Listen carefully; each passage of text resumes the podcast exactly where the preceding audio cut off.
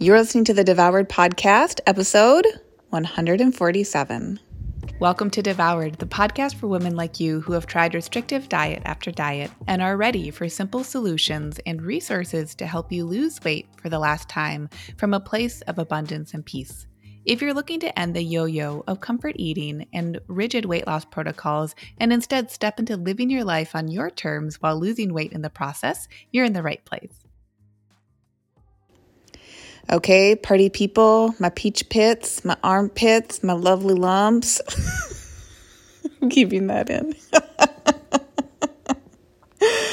oh, what is up? Welcome to today's episode. I'm so happy you're joining me today. I'm keeping it real. I'm recording this in my voice memos app from my couch downstairs instead of up in my office with my nicer microphone. Your girl just needed to be horizontal. It might be the Taurus in me. It might be the the year of pandemic. It might be because I went for a long walk this morning, or it could be for none of those reasons. But I want to just remind you part of embodiment and part of radical liberation is that you do what you do without apology. A lot of our world is set up in ways that are so anti embodiment. Sit in the chair when you don't want to, right? Wrangling the kids, teaching them how exactly to act and perform so that X, Y, and Z happens later on. A few weeks ago in Lean and Liberated, so the group coaching, what happens in there on Tuesdays, that's when we do our group coaching I start each session off with an exercise or a, a, thought, a subject that I either want to bring to light that is almost always going to be related, of course, to the program, but also what I'm noticing in the world at large, what I'm seeing kind of thematically with clients or just like with life. So, a couple weeks ago, I was chatting about some of the different ways that we can practice embodiment. And embodiment is not this like logical process. It's actually us meeting our bodies in the present moment without expectation. It's bearing witness to our bodies. And so, one of the embodiment practices, as I was doing some of my research and getting my notes together before sharing with them, was that part of embodiment is also dismantling the diet culture and also part of what I teach in the course is that diet culture is an arm of power and control culture so, this root of power and control culture is also controlling us to exist in our bodies in certain ways. And how many of us have felt that fatigue? I think it's so striking actually, being on so many Zoom video calls in the last year. It's so striking. That's us performing in ways that we might not actually be most liberated to perform in. It might not be in our best interest to sit and look at a screen and have a lot of other faces looking at us, very close to us, often unblinking, maybe unfocused or radically over focused. Just think about what that does for our nervous systems. Now, part of loving and being with all of this is that we can do hard things, but it's also the recognition that we can choose to opt in or also opt out to the defaults that we think just have to be. I think you see that more and more as the world becomes more IT focused, more tech focused. People are on their screens more and more. We have the tiny screens on our wrists and the tiny screen that used to be at our ear and is now in front of our faces. And we have the big, bigger screens well, the small big screens that are our laptops, but then we have our, our, double monitors. And then once we're done with those screens, and we might come to a different room that has a screen that's further away and a little bit bigger, and we can look at other things on our screens while also holding our little screens that were at our ears now to our faces. You know what I mean? So I think part of what I hope a lot of us are starting to feel is that it's not a bad thing if you need to lay down, boo. It's actually just what your body needs. It's not a bad thing if you're feeling like you want to stand up at your desk, right? How many people are at stand up desks now? Because sitting gets really old really quickly, year in, year out. eight, nine, ten hour days. The commute that many of us aren't taking right now, sitting in a car, sitting on the bus, sitting on the MAX or the tram or the light rail. What if you get to do it differently? So that was part of the embodiment. this is not the episode itself, but it, it's it's just striking, and I want to offer, as always, these reflections, these what ifs, these how abouts. Because we define our own paradigms. So if your brain goes to, oh my God, why do I need to lay down at two o'clock in the middle of the day? I shouldn't. Well, it's because I, I have that extra cup of coffee. I know I shouldn't be drinking the coffee. Or like, God damn it, why did I, why, all, all the chatter that comes from that. I want you to honor. Maybe that chatter is trying to point you in a direction that you get to side hug at the same time as saying, and it is so. So, one of those embodiment practices that I was chatting about with the lean and liberators was the fact that our culture doesn't make space for our bodies to make noise, right? For our bellies to digest after meals, for us to cough in certain ways, for us to have a sniffly nose, for us to rub something out of our eyes or to have to shake our shoulders, for us to fidget and move around. But we can make space for that as adults, not even just for the littles in our lives, for adults too. That's part of dismantling diet culture.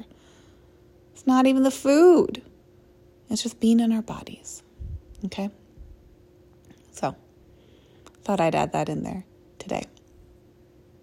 And also, today, what we're talking about is a 24 hour plan and how to use the 24 hour plan. So, this journal, this 24 hour plan, is a big part of what we do in Lean and Liberated. But the tangible part is that you decide ahead of time what you're eating for the day, whether that's in the morning or the night before. What's tangible is that you write that plan down and then you stick to it.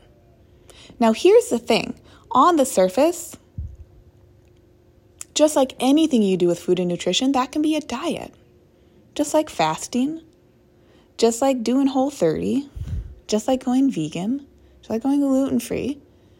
Whether it's liberating or not depends on the person. So, with the 24 hour plan, the difference is that we are choosing to show up to the plan in a way that we will want to show up to it for our lives. These are lifestyle changes. It's not the short term quick fix the little hack and get the job done? The hack is that we start to, when we consistently show up to our journals, this is a platform in which we can see all of the thoughts, beliefs, and feelings we have about ourselves. We can allow them to come up and out of ourselves so that we no longer have to hold on to them. It's not a bad thing when you do the journal and you initially, for example, journal in some foods that you don't like, or you initially journal in too little food. Usually, with the journaling, what we find is that you need to be bringing foods in and getting really curious. How do I make this a plan that I'm excited for, that I'm ready for? That's why, with this plan, I also have my clients rank after they've written down, okay, what am I going to eat tomorrow? They rank scale of 0 to 10. How great do I feel about this? If it's an 8 or a higher, then they stick with it and they see what comes up. If it's a 7 or lower, before they get into that next day worth of eating, they have to go back and amend it. And now that's just phase one with the 24 hour plan. And in the journals, we have a couple other sections in the journals.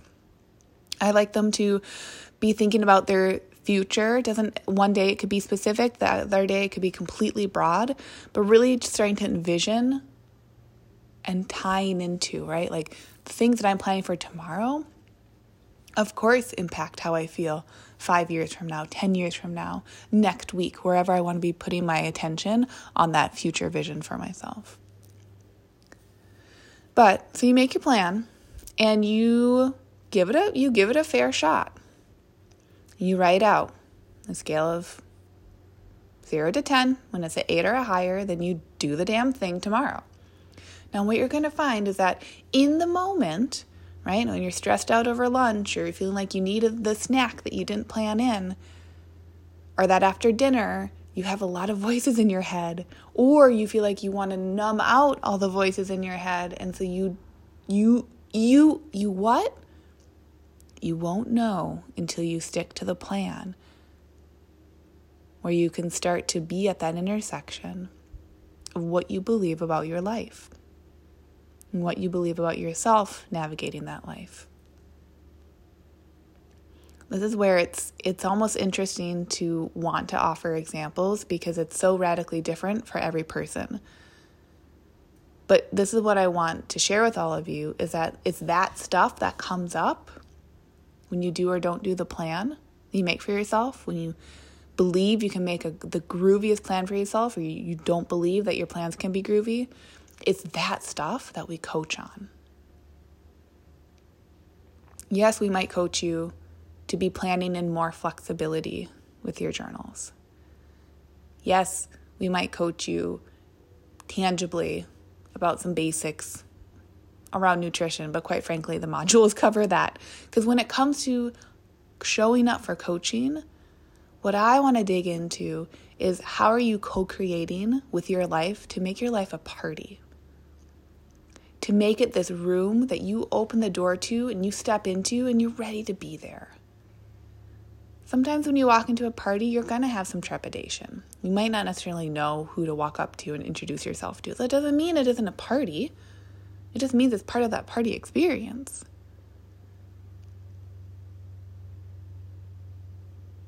So I want all of you. And I share this stuff because, like, if you're ready, like, you could try. I've shared before. I'll link up the other episodes in the show notes that specifically pertain to the journal. Plan flexibility is a big one.